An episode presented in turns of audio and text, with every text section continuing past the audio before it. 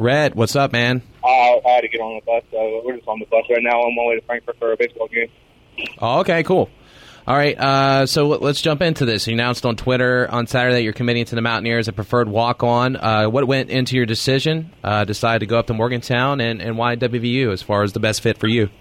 Well, I've had a like a lot of interest my past senior year with the way I played and the way our team played. So going in my senior year, I didn't really have any big schools or any schools really looking at me. But coming into my senior year, I got like D2 pickups. I got Marshall and WVU talking to me. I had NC State. But then at the end of the day, the real thing that made my decision was uh, just sat down, talked to my family, and thought it was best for me as a student and an athlete.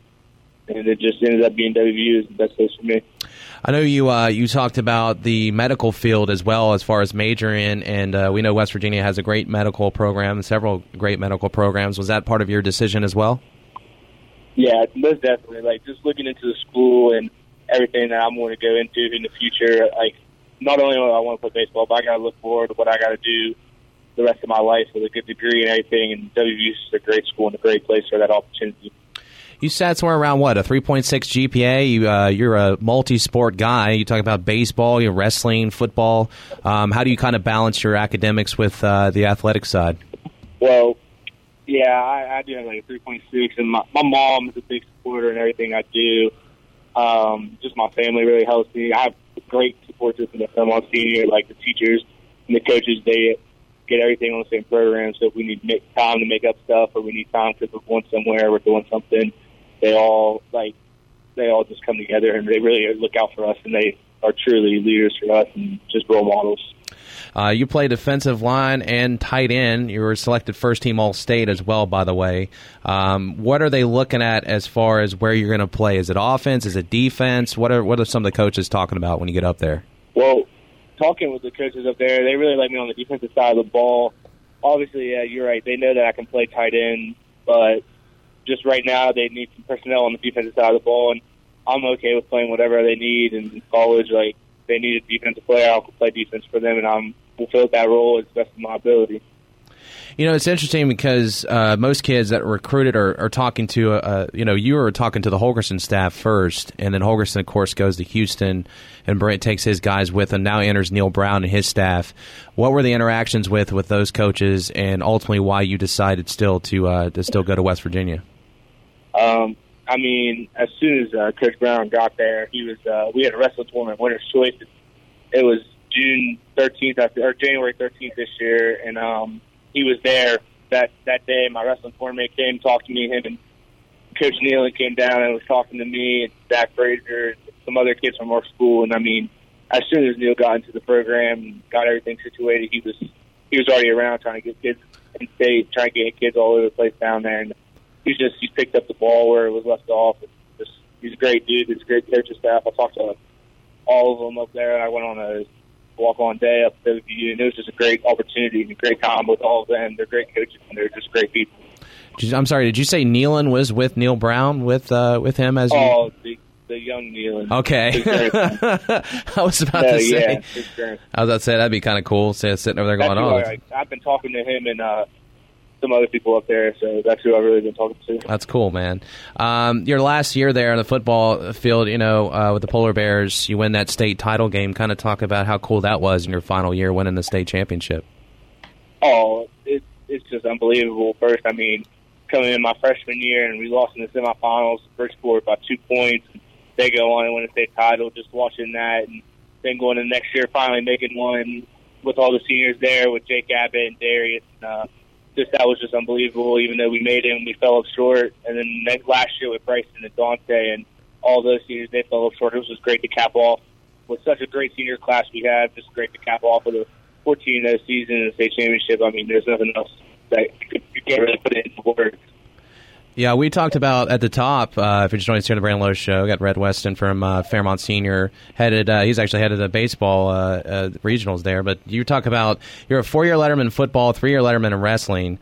What's I mean, uh, we've had several guys in high school, both wrestlers and football, and a big thing was the weight, right? Having to balance it back and forth nutrition wise. That has to be challenging. How do you balance that from being a wrestler to football as far as nutrition, cutting weight, and kind of going back and forth between those two sports? I well, wrestling, really, it's like football, like I'll go into football heavier than what I should be, and football gets my weight off, like to me where I'm at a good base weight, like even to distribute like fat and muscle. So like football shaves off all the bad fat that I don't really need during summer workouts during August and September and November of just getting everything right. And then once I hit wrestling, like a couple weeks before we get in football, before gearing up for the state championship, I'll start eating right, cutting weight, getting to where I need to be, like a couple pounds, like four or five, so I can just shed that off real easy for the first weigh in. And then normally once I get my good weight, they're like 218, I just normally stay around there and float up and down. But it's really, it really isn't that difficult as long as you just know how to eat right and properly cut weight. As uh, yeah, you you say it's easy, but a guy like me who's sitting at 34 years old can't even eat a cheeseburger without gaining about 30 pounds. So uh, it'll get it'll get harder for you when you get older. You, I've also read that your true passion though is uh, is is choir, right? You do the chamber choir there. Uh, what was what was something? I mean, looking at a guy like you sitting at six three, over well over two hundred pounds, sitting there in the choir. You probably got a bow tie on, right? And you're you're sitting there singing these yeah. tunes. Uh, what got you, what got you into that, man? What, what was the passion behind getting in the choir and singing?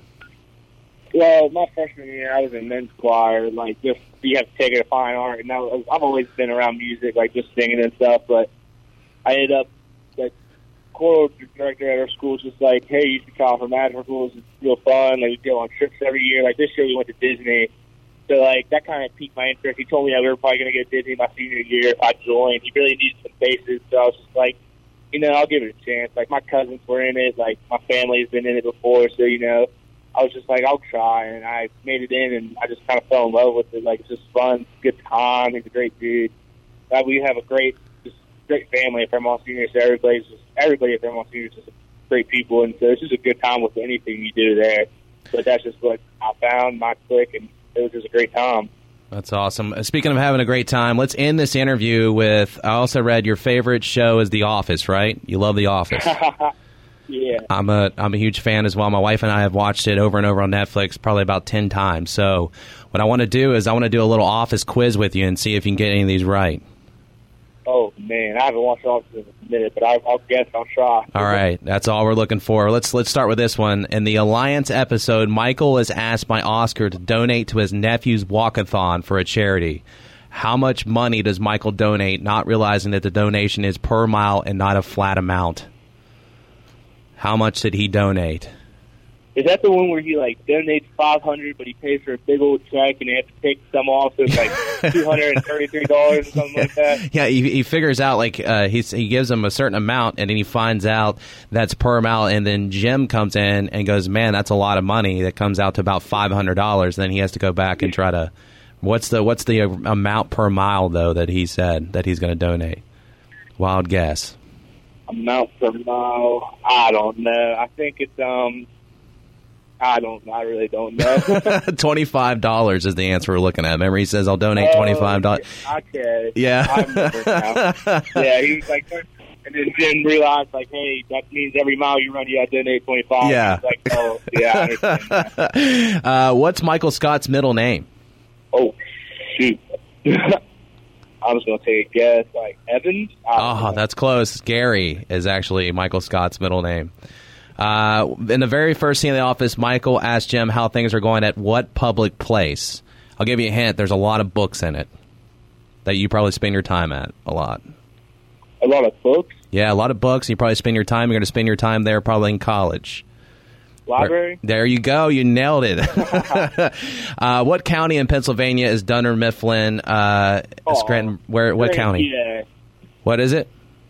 Scranton. That's right, Lackawanna County, man. One of the uh, oh. one of the coll- colleges there. Finally, bonus question here. In the very first meeting at Dunder Mifflin, uh, we find familiar and unfamiliar faces. Which of the following main characters uh, character is not in the meeting? Creed, Oscar, Kevin, or Kelly? Kelly. Nailed it, dude. All right, man. Yes. So you got uh, you got two out of five. I'll give you three out of five. That's not too bad, man. I just thought we'd have yeah. some fun with that. Um, but man, appreciate you having time, uh, taking the time to and having some fun with us here on the Brandon Lowe Show. Uh, and man, continued success to you, and uh, and I'm looking forward to seeing what you do up there in Morgantown, man. I appreciate you t- taking the time to talk to us today. Hey, thank you for having me. It was a great time. I had a, had a fun time with that quiz. Now I gotta go catch up. Yeah, man. My office. All right, man. Appreciate you, and uh, you take care. All right, thank you.